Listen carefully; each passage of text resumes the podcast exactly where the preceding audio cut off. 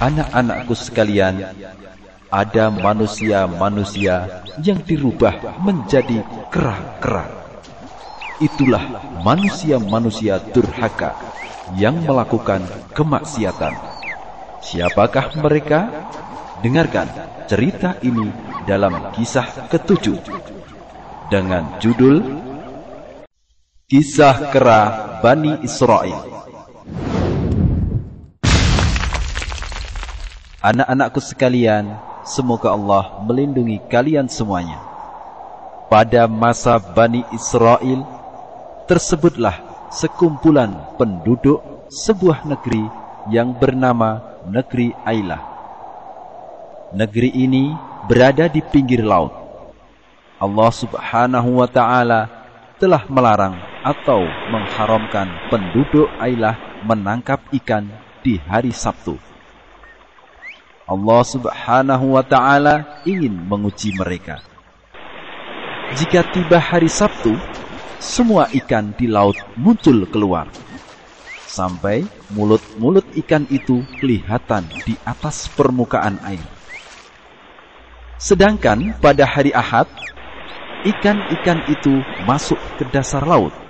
Sehingga tidak ada satupun ikan yang terlihat sampai tiba nanti di hari Sabtu depannya. Di antara penduduk Ailah itu, ada yang tetap ingin mendapatkan ikan walaupun di hari Sabtu. Maka seseorang membuat lubang dan saluran dari laut menuju ke lubang tersebut. Jika datang hari Sabtu, orang itu membuka saluran tadi. Jika datang ombak, ombak itu akan melemparkan ikan ke lubang tersebut. Ikan itu ingin keluar dari lubang itu, tetapi tidak bisa.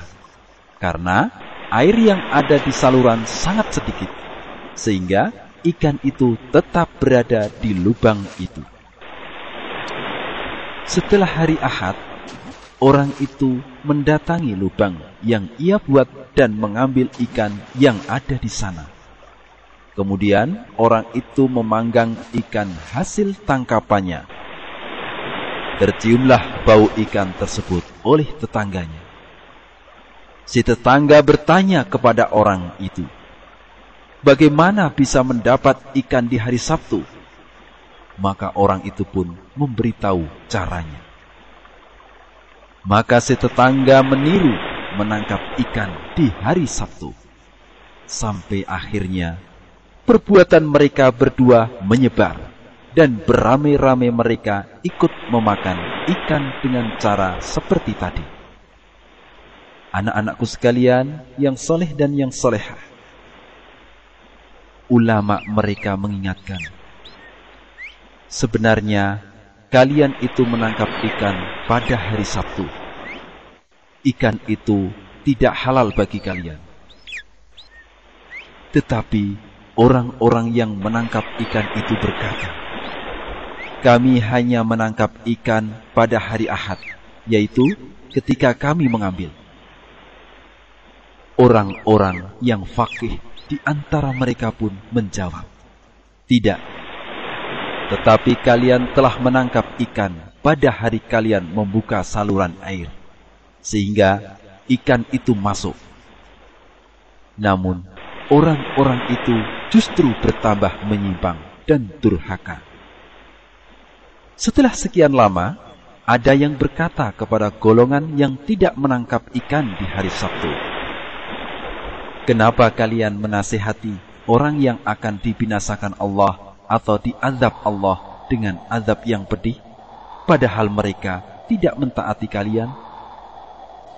Sebagian mereka menjawab, kami menasehati mereka agar kami memiliki alasan di hadapan Allah Subhanahu wa taala dan semoga mereka mau bertakwa sehingga meninggalkan perbuatan mereka. Ketika orang-orang yang berbuat maksiat itu tetap saja menangkap ikan di hari Sabtu, maka orang-orang yang taat berkata, "Demi Allah, kami tidak akan tinggal satu tempat dengan kalian." Maka mereka membagi negeri itu dengan sebuah tembok pembatas. Orang-orang yang taat mempunyai satu pintu, dan orang-orang yang durhaka mempunyai satu pintu yang lain. Mereka membuka pintu itu pada hari Sabtu. Orang-orang yang taat keluar melalui pintu mereka sendiri, dan orang yang durhaka keluar dari pintu yang berbeda.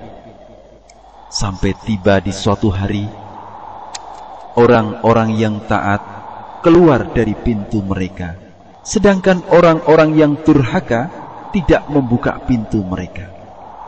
Orang-orang yang taat pun heran kenapa mereka tidak keluar. Maka orang-orang yang taat memanjat tembok pembatas.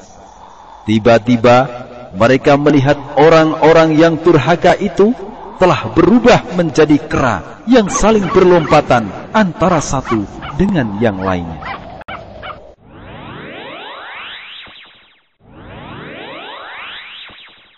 Adik-adikku yang solih dan solihah, mari kita bersama-sama menyimak faedah-faedah berharga dari kisah kera Bani Israel. Faedah yang pertama yang bisa kita petik dari kisah ini bahwa Allah Subhanahu wa taala ketika telah melarang sesuatu, melarang kita untuk berbuat sesuatu, maka wajib bagi kita untuk menjauhi dan meninggalkannya. Ketika Allah Subhanahu wa taala melarang kita, memerintahkan kita untuk menjauhi sesuatu, maka harus kita jauhi dan harus kita tinggalkan. Yang berikutnya, faedah yang kedua, kita dilarang berbuat curang atau licik dan juga melakukan tipu daya sebagaimana yang dilakukan oleh penduduk negeri Ailah di dalam menangkap ikan-ikan. Mereka melakukan tipu daya, melakukan kelicikan-kelicikan. Maka Allah Subhanahu wa taala memberikan adab yang pedih kepada mereka. Selanjutnya, faedah yang ketiga kita diwajibkan untuk mengikuti perkataan para ulama. Selama perkataan para ulama tersebut sesuai dengan perkataan Rasulullah Shallallahu Alaihi Wasallam, yakni para ulama yang membimbing kita, maka kita ikuti para ulama tersebut. Karena mereka lah yang lebih berilmu dibandingkan kita. Dan para ulama adalah pewaris para nabi.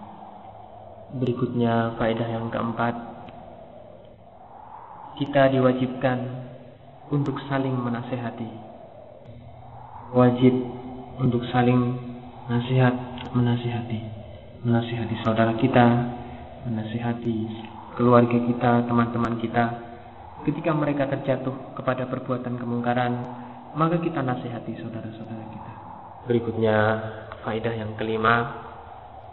Wajib bagi kita untuk berlepas diri atau barok dari orang-orang yang ingkar kepada Allah Azza wa Jalla. Kemudian faedah yang keenam adik-adikku sekalian bahwa Allah Subhanahu wa taala akan mengazab orang-orang yang ingkar kepada perintah-perintah Allah Subhanahu wa taala dengan adab yang sangat pedih. Karena itu adik-adikku sekalian, demikianlah beberapa faedah berharga yang bisa kita petik dari kisah kerabat Israel. Berikutnya, adik-adikku sekalian akan mengikuti kisah-kisah yang lebih menarik dan insya Allah akan mendapatkan faedah-faedah dari kisah-kisah tersebut.